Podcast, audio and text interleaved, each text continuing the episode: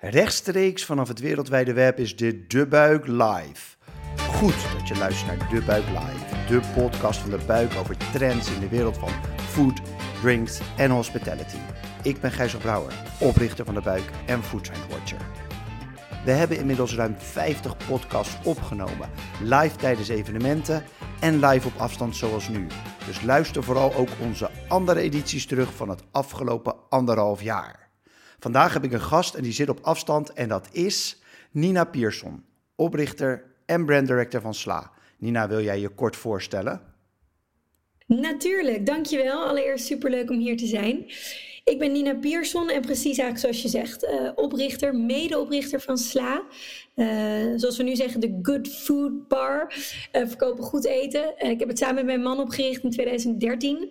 En na wat omwentelingen hier en daar bij verschillende bedrijven gewerkt te hebben, zit ik nu echt weer fulltime bij Sla als brand director. Uh, daarnaast heb ik ook een Instagram-pagina, um, ja, waar, wat ook een soort business is geworden met veel samenwerkingen en veel contentmomenten.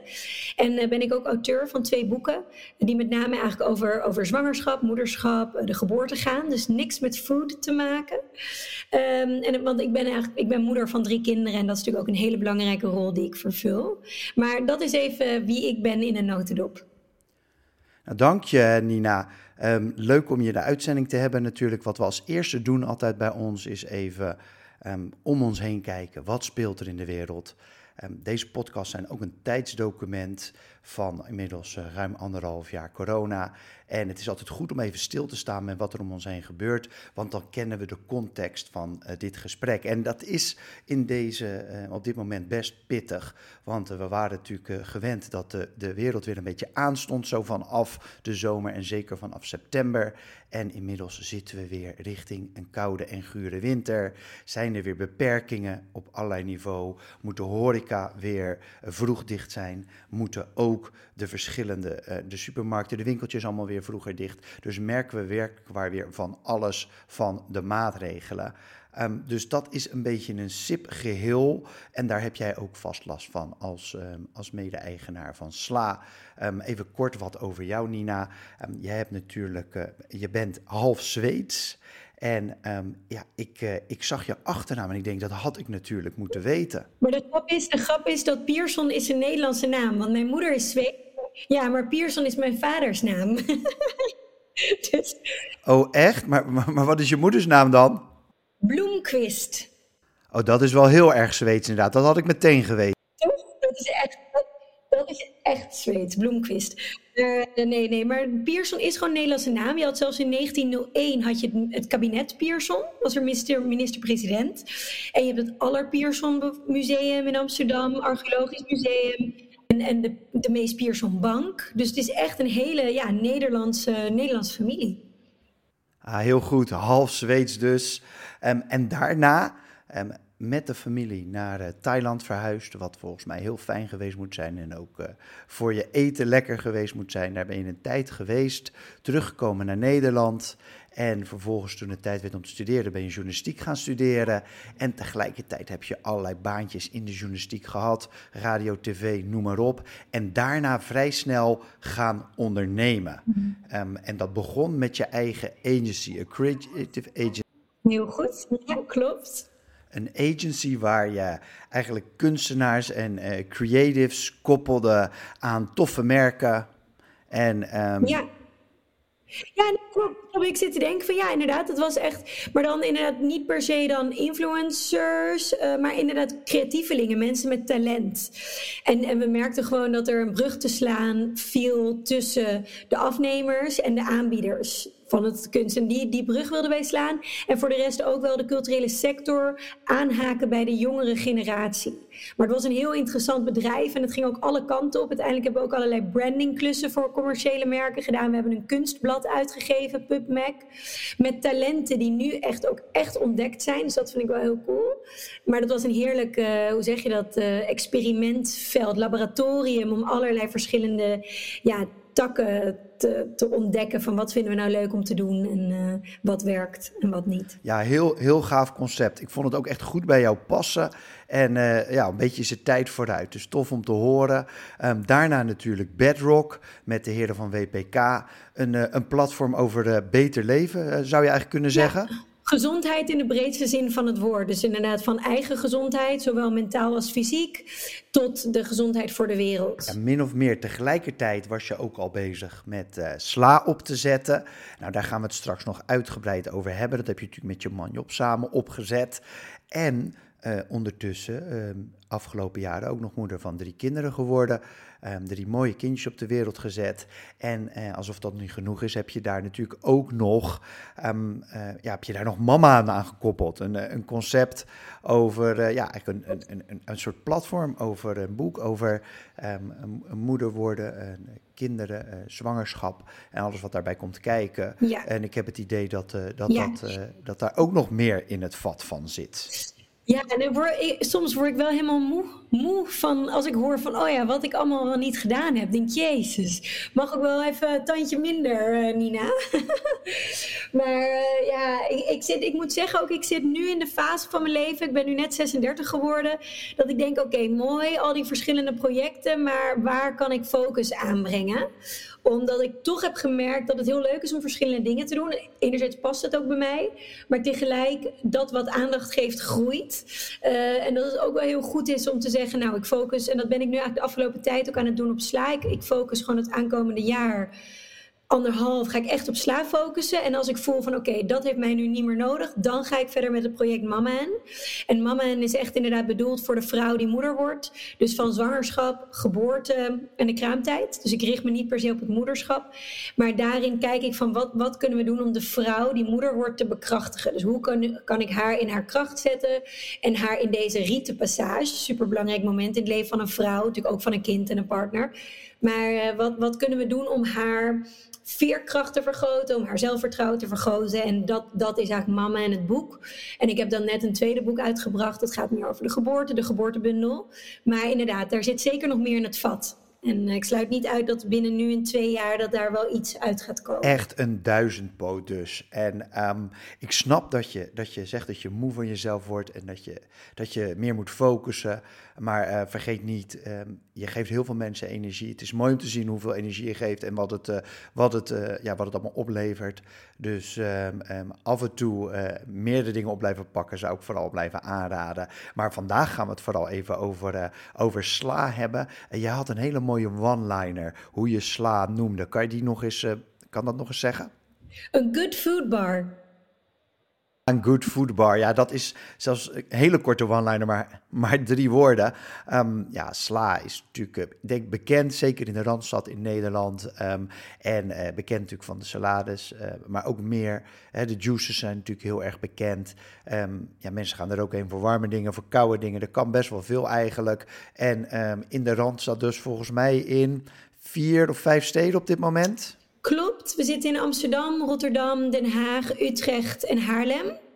We gaan er nog één in Amsterdam openen. Maar dat, ja, ik, ik vind het superleuk om inderdaad juist ook wat meer over, over de, vanuit het branding verhaal. Want ik zeg net Good Food Bar, maar we zijn achter de schermen namelijk ook heel erg bezig met een, eigenlijk een herpositionering, nieuwe strategie. Voortkomend uit het. De Sla heeft al echt wel naam. We hebben 13 vestigingen ook al inmiddels. Maar we willen natuurlijk, we hebben veel meer ambities en we willen nog veel meer groeien. Dus daarom komt deze podcast ook op een leuk moment. Want we hebben eigenlijk net de deuren geopend voor franchise-nemers. En dat betekent dat we de ambitie hebben om wel vier à vijf vestigingen per jaar met franchise-nemers te openen. Um, maar dat betekent wel dat we ook moeten gaan kijken, oké, sla is sla. Dat is voor de mensen die van gezond eten houden. Ja, die kennen dat. Maar hoe zit het dan met al die mensen die uh, daar nog niks mee hebben en denken: oh nee, maar sla is maar rauwkost. Oh, daar heb ik echt geen zin in. Zeker niet in de winter. Hoe kunnen we eigenlijk die vooroordelen die mensen hebben om echt van gezond eten het nieuwe normaal te maken, hoe kunnen we die gaan bereiken? Dus ik ben nu bezig met een herpositionering en dat kunnen we in deze podcast misschien ook even bespreken, want dat is nog verder helemaal niet besproken of bekend. Ook nog niet echt naar buiten gebracht. Dus um, ja. ja. Dat klinkt eigenlijk hartstikke leuk. Ik ben. Um wel benieuwd. Je hebt het over jouw rol als brand director. En natuurlijk over het algemeen. Kan je eens vertellen, ehm, hoe zou jij jouw rol omschrijven? Ja, ik denk, net zoals met mijn eerste bedrijf Pub, dat was ook een bruggenbouwer. En ik denk bij Sla ben ik degene die ook de bruggen bouwt van het bedrijf naar de wereld. Dus ik moet eigenlijk zorgen dat het merk Sla als een huis staat. Dus dat het echt een ja, om in een beetje marketingtermen te spreken, een love brand is. Dus dat het, ja, dat het van alle holistisch, van allerlei kanten bekeken, dat het klopt, dat het verhaal eenduidig is, dat het mensen aanspreekt. En dan gaat het natuurlijk over hoe krijg je dit over de bühne? Hoe zorg je ervoor dat zoveel mogelijk mensen van Sla weten? En dat valt, dat is even in de high over mijn rol als brand director. Dus zowel zorgen dat het merk heel krachtig en sterk staat en een duidelijk beeld is van buitenaf, maar ook dat het bij zoveel mogelijk mensen um, bekend is. Jij noemt het zelf een, eh, een good food bar.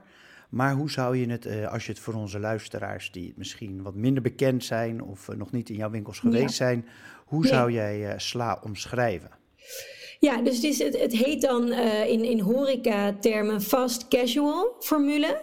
Dus dat betekent eigenlijk dat we, je kan ons niet vergelijken met een restaurant. Uh, je kan wel bij ons eten, die gelijkenis is er natuurlijk. Maar je komt bij ons binnen, je bestelt aan de bar en terwijl jij bestelt, wordt je eten klaargemaakt. En dat uh, ongeveer zeg maar 50% bij ons is afhaal en bezorging. En de andere 50%, dat is nu de laatste tijd natuurlijk met corona wel minder geworden, soms zelfs nul. Omdat we niemand binnen mogen hebben, maar de andere helft zit bij ons. Maar je je bestelt, het wordt verder niet dan ter plekke gekookt. Het is allemaal, we hebben een hele grote, dat heet een saladière, dus eigenlijk een bar met wel 60, nou ik denk nee, 40 verschillende vakjes waar allemaal vers bereide ingrediënten in zitten. Uh, en, die, en dat koken we allemaal in onze centrale keuken. Dus we hebben in Amsterdam-Oost hebben een hele grote keuken. Zes dagen per week. Sinds deze week. We, we kookten zeven dagen per week. Maar nu zes dagen per week koken we enorm veel uh, vers eten. Uh, en dat brengen we dan elke dag vers naar de winkels. Uh, ja, en, en, want dat is ook een, denk ik een misvatting die veel mensen over sla hebben. Van ja, het is je rauwkostsalade. Maar dat is het al lang niet meer. Ik denk bij ons is 80 tot 90 procent bereid. Dus bijvoorbeeld uh, aubergine wat in de oven is, eerst wordt ge, gekruid en dan in de oven afgebakken. Of zoete aardappel, dat eet je natuurlijk ook niet rauw. Dus het merendeel bij ons is allemaal lekker bereide uh, groenten. Met name. En dan is het gepekeld, gestoomd, gebakken. En dan los daarvan inderdaad hebben we ook het assortiment uitgebreid. Dus je zou kunnen zeggen de salade is de basis van wat we verkopen. Maar daarnaast heb je ook de mogelijkheid om een, deel, ja, een salade in een wrap te krijgen. En we hebben warme bowls, dus het zijn eigenlijk meer stews. Um, zeg je dat in het Nederlands? Uh, ja, een soort van stoofpotjes, precies. Stoofpotjes, dat is met name ook in de winter. En soepen, uh, goede koffie, goede inderdaad drankjes. En, en al met al is alles om en nabij de 80, 90 procent biologisch en 90 procent veganistisch. Is dat hoe je het good food ook definieert? Dus um, goed voor jezelf, maar uh, ook goed voor de planeet? Eigenlijk net als bij, uh, bij Bedrock? Absoluut. Ja, ja, ja, de basis is goed voor jezelf. Dat is bij ons de kern. Weet je, dat, dat is ook van waaruit sla is ontstaan. Dat wij, Job en ik, allebei heel erg dat door eigen ervaring in onze omgeving en direct door zeg maar, gezonder te eten voelen wat goed eten met je doet. Uh, op korte termijn meer energie, minder, minder watten in je hoofd, helder, vitaler. Maar op lange termijn natuurlijk ook met je gezondheid. Enorm belangrijke rol. Um, dat zie je nu ook met het opkomende obesitasprobleem. Hè? Dat, ik las laatst cijfers schrikbarend. 50% in Amsterdam heeft overgewicht. En daar is nu, er zijn ook een aantal hoogleraren die nu bij elkaar komen van wat kunnen we daaraan doen. En natuurlijk een van de allerbelangrijkste elementen, of eigenlijk factoren daarin om, om het obesitasprobleem te bestrijden, is gezonde voeding. Uh, maar daarnaast weten we ook inmiddels dat de grote rol die plantaardige voeding speelt in, in de klimaatimpact die we maken met mensen. Dus ja, win-win-win zou ik zeggen. Ja, het mes snijdt eigenlijk aan twee kanten zo. Misschien inderdaad wel uh, nog meer. Um, zoals je al terecht opmerkt, want het gaat natuurlijk om de mens. Het goed voor hen is, het goed voor de planeet. Maar het moet natuurlijk ook gewoon lekker zijn. Mensen moeten wel terug willen komen. En um, nou heb ik die ervaring wel zelf. Ben zelf natuurlijk ook vaak bij jullie geweest. Maar ehm, ja, ik kan me voorstellen dat het wel op drie vlakken goed moet werken. Ik denk dat dat ook wel het belangrijkste is in onze nieuwe strategie nu. Uh, want dat, dat het lekker is, daar hebben we echt de afgelopen jaren ook echt heel hard aan gewerkt. Gewoon gezorgd dat het super op smaak is. En dat alles wat ik al net zei, echt lekker geroosterd. En super veel smaken. Dus het is echt, ook de dressings bijvoorbeeld zijn ja, heel, heel smakelijk. En ik denk dat dat gewoon heel belangrijk is, dat mensen moeten weten van het is, je komt er omdat je het lekker vindt. Je komt er niet meer omdat je denkt, oh ik moet gezond eten, wat zou ik eens doen, sla. Nee, je komt er omdat je denkt, oh ik heb zo'n zin in die soba noedelsalade. Of ik heb zo'n zin in die uh, vegan kapsalon bijvoorbeeld, die we dan hebben. Als jij nou terugblikt hè, op de afgelopen anderhalf jaar en um, dat is natuurlijk voor jou persoonlijk een, uh, een bijzondere uh, periode geweest met de bevalling en de geboorte van je derde ja. kind. Um, maar het is natuurlijk ook zakelijk een, uh, een, een, een bijzondere anderhalf jaar geweest. Met alles, met sluitingen, ja. noem maar op. Um, hoe kijk je daarop terug? Ja, met gemengde gevoelens. Ik merk vooral ook voor mijn man Job, die echt wel, zeg maar, echt de kar trekt bij Sla. En die ook de last van alles op zijn schouders draagt. Um, dat het wel lang, lang duurt. En het is gewoon heel moeilijk, want je bent continu eigenlijk uh, ad hoc aan het reageren. Dus je moet continu, oké, oh, weet je, de maatregelen zijn weer veranderd. Of de situatie is weer veranderd.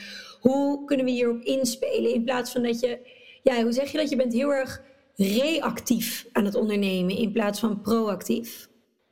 En, en, en, en de hele die uitdagingen waar je mee te maken krijgt. Dus bijvoorbeeld, in het begin was het oké, oh mijn god, hoe moet dit nu verder? We moeten dicht. In het begin zijn we ook een periode dicht geweest. Nou, daarop aanpassen, nieuwe regels. En we merken nu wat de grote uitdaging van deze tijd is, is bijvoorbeeld personeel. We hebben een enorm personeelstekort. Uh, wat resulteert in dat we soms winkels moeten dichtgooien. Maar niet alleen dat, het zorgt ook voor enorm veel werkdruk bij de mensen die er wel zijn. Uh, dus daar heb je ook weer mee te maken. En dan melden die zich ook weer ziek. En ja, ik merk het gewoon aan onze operational managers. Elke dag zijn ze bezig met brandjes blussen. En dat is prima voor een bepaalde periode, maar het duurt nu wel gewoon echt lang.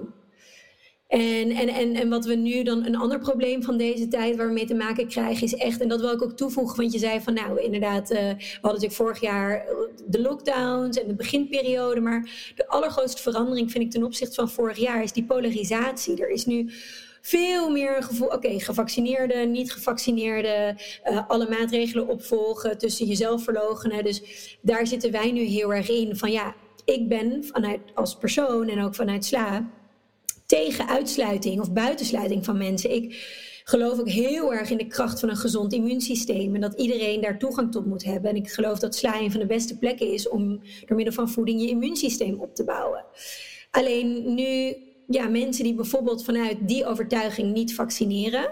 Omdat ze denken, nou laat mij maar krijgen. Ik heb een sterk immuunsysteem. Tuurlijk, je weet het nooit zeker hoe het bij jou gaat aanslaan. Maar over het algemeen kun je wel zeggen als je gezond leeft... dat, dat de kans dat het heel zwaar wordt heel klein is.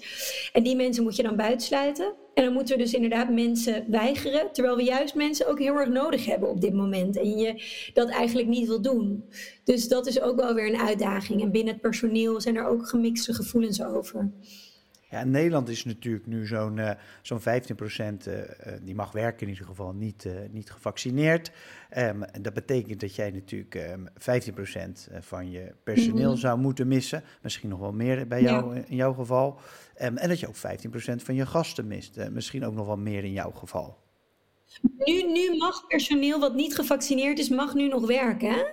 Ja, dat klopt. Ja, dus, dat, dus de gelukkig daarin. Maar ik heb wel bijvoorbeeld al iemand gehad die heeft opgezegd omdat hij uh, weigert om een QR-code te scannen. De, dus dat heb je inderdaad wel. Los daarvan wil ik even toevoegen dat uh, de winkels die normaal draaien, dat dat dus heel goed gaat. Dat we dus wel um, winstgevend zijn. Uh, maar er zijn natuurlijk ook een aantal winkels dicht geweest. Dus weet je, al met al. Maar in principe de winkels die gewoon open zijn geweest. Je merkt dat mensen meer behoefte hebben aan gezond eten. Dat, dus dat is wel weer het voordeel. Ehm, als je kijkt naar de omzet en hoeveel mensen er komen. En een ander voordeel is dat wij ook veel meer als bedrijf zijn gaan, ja, minder zijn gaan doen. En echt focussen op de processen binnen SLA. Om die veel meer te laten stroomlijnen. Ehm, beter te laten stroomlijnen, het eten, kwaliteit te verbeteren. Dus dat wij ook daardoor wat meer ruimte hebben gekregen om echt aan het bedrijf te werken. In plaats van continu voor het bedrijf.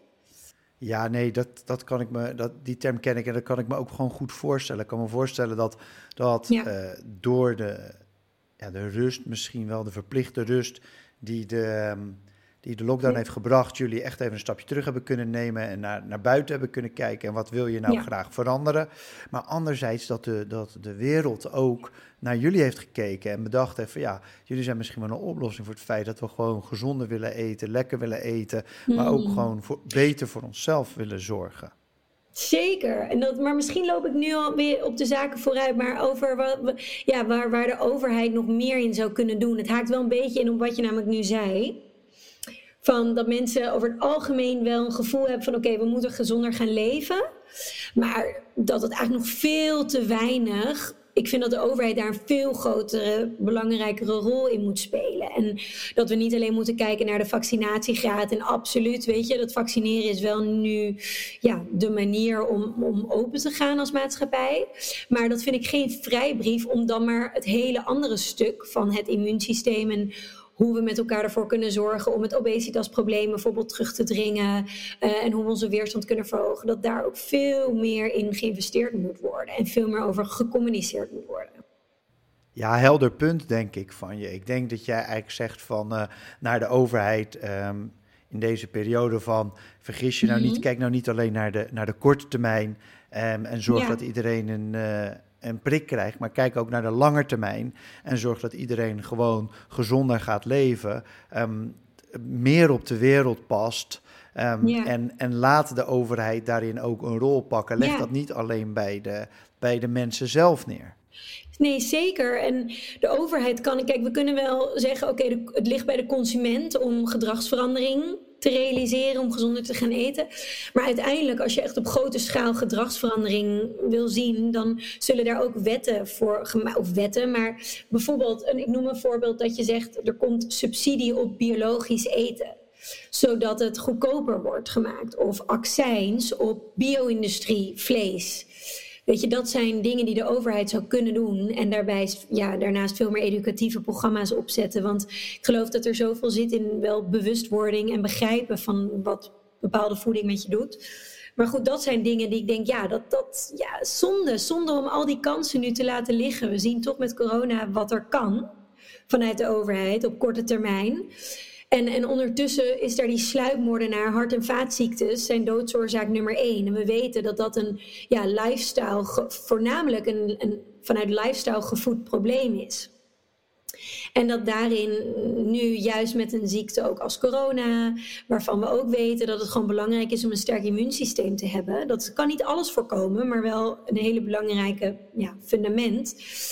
Uh, ja, dat we daar gewoon veel meer over moeten. En dat snap ik gewoon niet. Dat vind ik echt jammer.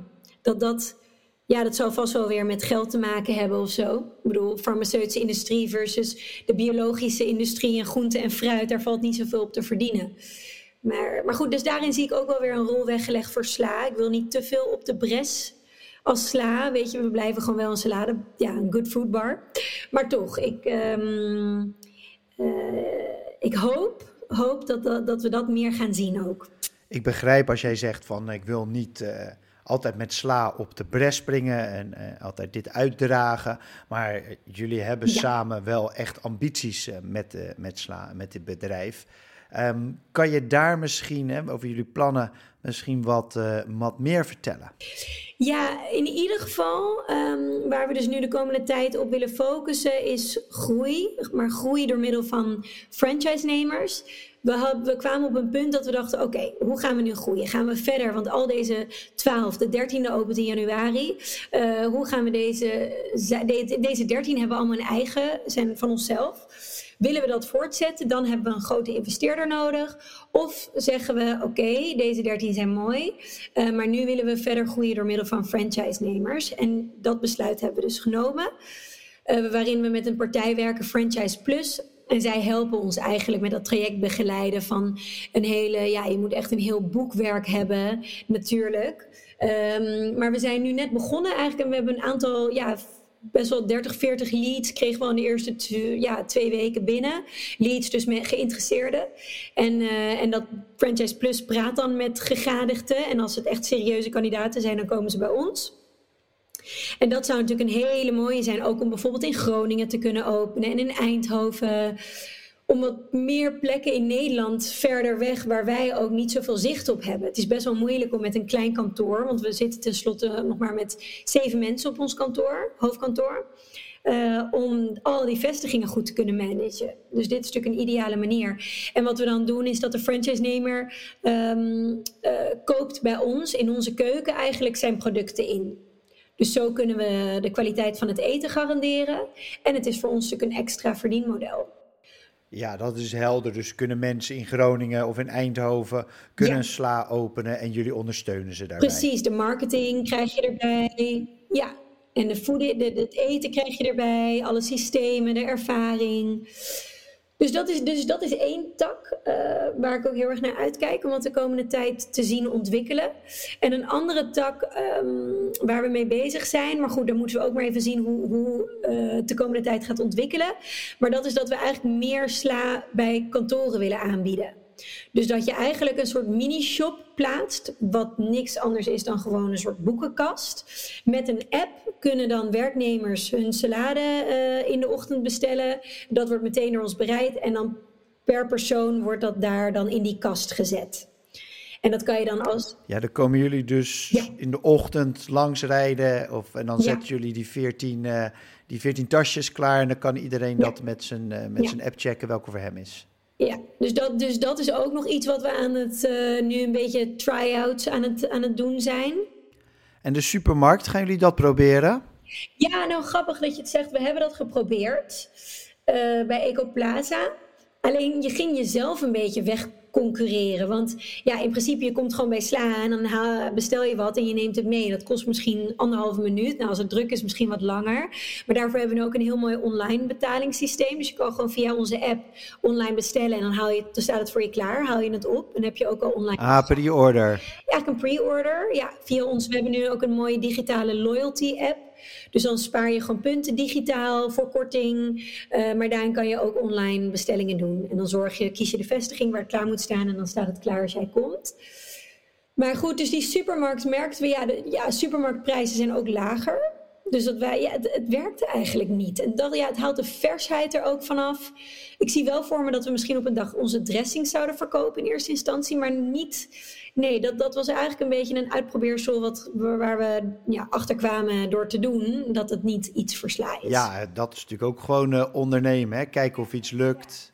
Ja, toch? Ja, uitproberen. En ik vind het wel grappig wat je zegt over, uh, over de sauzen en dressings. Je ziet toch wel dat veel horecamerken die richting de supermarkt gaan, dat die toch vaak beginnen met de, met de sauzen en de dressings. Echt met de smaakmakers die echt iets van een bepaald horecamerk ja. maken, zeg maar. En daarmee de stap uh, de supermarkt inzetten.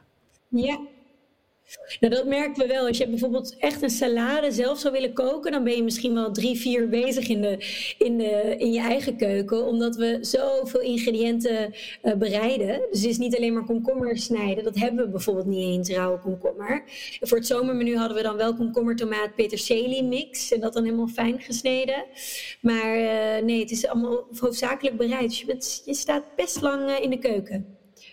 Maar en verder zeg maar nog wat ik vanuit mijn rol, dus we zijn dat, die herpositionering aan het doen, eigenlijk vanuit de strategiezin Taste the Magic of Veggies. Dus proef de magie van groenten. Nou, sla, sla voegt die magie toe. Het gaat natuurlijk over lekker eten. En, wat wij sla is een soort van groentekunstenaar. Um, maar van daaruit wil ik ook natuurlijk, als dat staat in die strategie, zijn we ook bezig met producten. Dus bijvoorbeeld dat je bij ons een slaabak kan kopen uh, die, uh, die je meeneemt, die gebrand is, maar waardoor je als je hem terugbrengt bij ons en je salade daarin laat scheppen, dan krijg je ook gewoon een goede korting. En hetzelfde geldt voor een koffiebeker of voor een tas. We, we zijn continu ook aan de voorkant bezig met oké, hoe kunnen we uh, bijvoorbeeld aan de voorkant plasticvrij worden? Dus daar hebben we nu alleen nog de deksel van de saladebak die van plastic is. En daar zijn we nu ook naar aan het kijken. Hoe kunnen we dat dan nog misschien eruit halen? Flesjes die van plastic zijn, van andere drankmerken die we verkopen, zijn we mee gestopt. Dus we kiezen nu alleen nog maar voor blik of uh, glaswerk. Dus het is wel een leuke. Dus, dus op duurzaamheidsvlak en een duurzaamheidsrapport ben ik nu ook mee bezig. Dus we zijn, we zijn lekker druk. Maar de focus heeft wel echt, oké, bestaande vestigingen en die groei van franchise. Dat is echt de, de hoofdmodus. Ja, samenvattend, uh, als je dus naar de toekomst kijkt, ben je bezig met uh, groei van het aantal winkels. Um, naar binnen toe bezig met uh, bijvoorbeeld meer smaak, meer kwaliteit. Um, maar ook met de duurzaamheid te verbeteren. Mm zodat je eigenlijk de propositie van, uh, van Sla beter neerzet. En ondertussen ook nog gaat kijken of je bijvoorbeeld ja, nieuwe kanalen kan aanboren. Zoals bijvoorbeeld uh, de bedrijfskatering. Ja, en catering inderdaad sowieso. Maar goed, ja, hoeveel events zijn er nog? Maar dat, dat is ook, uh, ja, dus, dus inderdaad meer lunches bij bedrijven of catering ook voor evenementen. En dat soort dingen, dat hebben we al. En dan zou je ook nog uiteindelijk kunnen kijken, maar dat, die hebben even in de ijskast geparkeerd. Maar dat je dus een à la, uh, ja, ik weet niet, Marley Spoon of zo, of je, ken je dat? Maar dat je dus meer... Ja, meal kit. Ja, dus dat je bijvoorbeeld het beslag van de falafel meegeeft, dat mensen dat alleen nog maar thuis hoeven af te bakken. Dat je meer naar zo'n soort een box gaat waar je drie dagen mee vooruit kan met een soepje, salade en een curry die vind ik wel heel erg logisch bij jullie. Jullie hebben natuurlijk al die band met de mensen uh, door de zaken die jullie hebben. Ze kennen jullie smaken al, zijn vaak ook best wel bereid om iets thuis te doen. Dus als dat dan op een gemakkelijke manier kan en je kan het op die manier in huis halen, dan is dat natuurlijk wel een hele fijne um, manier om je, om je merk nog wat te, ver, te verbreden. Maar we kunnen niet alles tegelijk. Nee, ik hoorde dat je ging focussen. Ja, ja, ja, ja. En gewoon wel echt even deze, deze periode weer doorkomen. Dat is denk ik. We zijn ook soms, dat is ook de valkuil, dat is ook mijn valkuil, te veel ideeën. En dan ga je dus weer van alles doen, half. Terwijl eigenlijk de focus moet nu echt even zitten op ja, dat, dat personeelstekort. En, en ja, daarmee gepaard gaande kwaliteit die je kan leveren. En zorgen dat dat in ieder geval even weer gewoon strak staat. Ja, dat begrijp ik goed. De winkels moeten gewoon open zijn. Er moet gewoon lekker sla bij jullie. Je moet gewoon lekker bij sla naar binnen kunnen lopen. Uh, gerechtjes kunnen halen. En um, nou we het er toch over hebben, dacht ik. Um, wij sluiten eigenlijk altijd af met dezelfde uh, vraag bij, uh, bij deze podcast. En dan vragen we jou om een, om een tip Um, wat je, waar je zelf graag gaat afhalen of wat je zelf graag bestelt. Um, maar dat, uh, dat mag je gewoon in eerste instantie, omdat sommige mensen willen niet hun eigen zaak noemen, mag je gewoon je eigen zaak doen. En daarna nog eentje gewoon ergens anders buiten je eigen zaak. Um, omdat je moet weten, natuurlijk iedereen die deze podcast luistert, is gewoon onwijs liefhebber van lekker eten. Dus uh, barst los. Ja, daarom, daarom. Ik heb wel een goede tip. Nee, dus bij ons ga voor de uh, Killer Kapsalon Wrap. Dus dat is met uh, echt een super lekker swarma gemaakt van doperten. En natuurlijk ook nog uh, de Sriracha mayo, vegan, met zoete aardappel. Nou, en het is echt een gezonde variant van een kapsalon, maar niet minder lekker. Echt super, super. En vooral in een wrap is die goddelijk. Maar als salade natuurlijk ook. Maar wrap, die, die tip ik. En voor de rest zou ik gaan voor de... Um, even kijken, je hebt de de not so chili chili. En dat is eigenlijk een chili sin carne. Dus dat is een warm, warm gerecht. We hebben in de winter altijd wel minimaal twee warme ja, stoofpotjes. En deze is super smaakvol. Ook veganistisch, maar heel lekker. Dus die twee. En dan als tip zou ik zeggen, ja, dat is heel grappig, want dat zou je niet zo snel denken. Ik eet overwegend plantaardig. Ik ben niet volledig plantaardig. Ik eet af en toe, zeker omdat ik nu nog borstvoeding geef, eet ik af en toe vis. Um, maar eh, wat wel grappig is, wij wonen in de buurt van Rijssel. Mm. Ken je dat? Rijssel in Amsterdam, dat is echt een fenomeen. Nou, het eerste waar je aan denkt bij Rijssel is vlees natuurlijk. En de kip, kip op het spit. En dan doen ze natuurlijk hartstikke goed. Maar ik vond het wel leuk, want ik had een keer een beetje mijn, mijn hoe zeg je dat, uh, teleurstelling geuit aan ze. Dat er niet ook nog vegetarische gerechten op de kaart stonden. En ik weet niet of het alleen door mij kwam, of dat er meerdere mensen waren die dat hadden gezegd. Maar ze hebben nu ook altijd vegetarisch uh, aanbod. wat super, super lekker is. En uh, dan vind ik het wel heerlijk om daar te eten. Lekker met een goed glas wijn. Echt het Bourgondische leven, maar dus wel met een fijne vegetarische optie. Ja, Rijssel is echt een fenomeen in, uh, in Amsterdam. Een, een, mooie tip van jou. En uh, goed om te weten dat je er ook gewoon lekker vegetarisch kan eten. Um, Nina, mag ik jou bedanken voor je aanwezigheid in de podcast? Ja, super bedankt. Hè? Vond het heel leuk om er te zijn. Dit was De Buik Live, de live podcast van De Buik over trends in de wereld van food, drinks en hospitality. Dank nogmaals aan mijn gast Nina. Ik ben Gijzig Brouwer en wil je nog één ding vragen. Als je het een leuke podcast vond, wil je hem dan doorsturen naar iemand anders of like in de podcast app? Dat kan je nu direct doen, terwijl je nog luistert. Dat zorgt ervoor dat liefhebbers van food, drinks en hospitality deze podcast makkelijker kunnen vinden. En zo bereiken we meer mensen. Heb jij nog een onderwerp waar we het over moeten hebben? Of een goede tip voor een gast? Laat het ons weten in de comments of stuur mij een berichtje. Dank voor het luisteren. Cheers!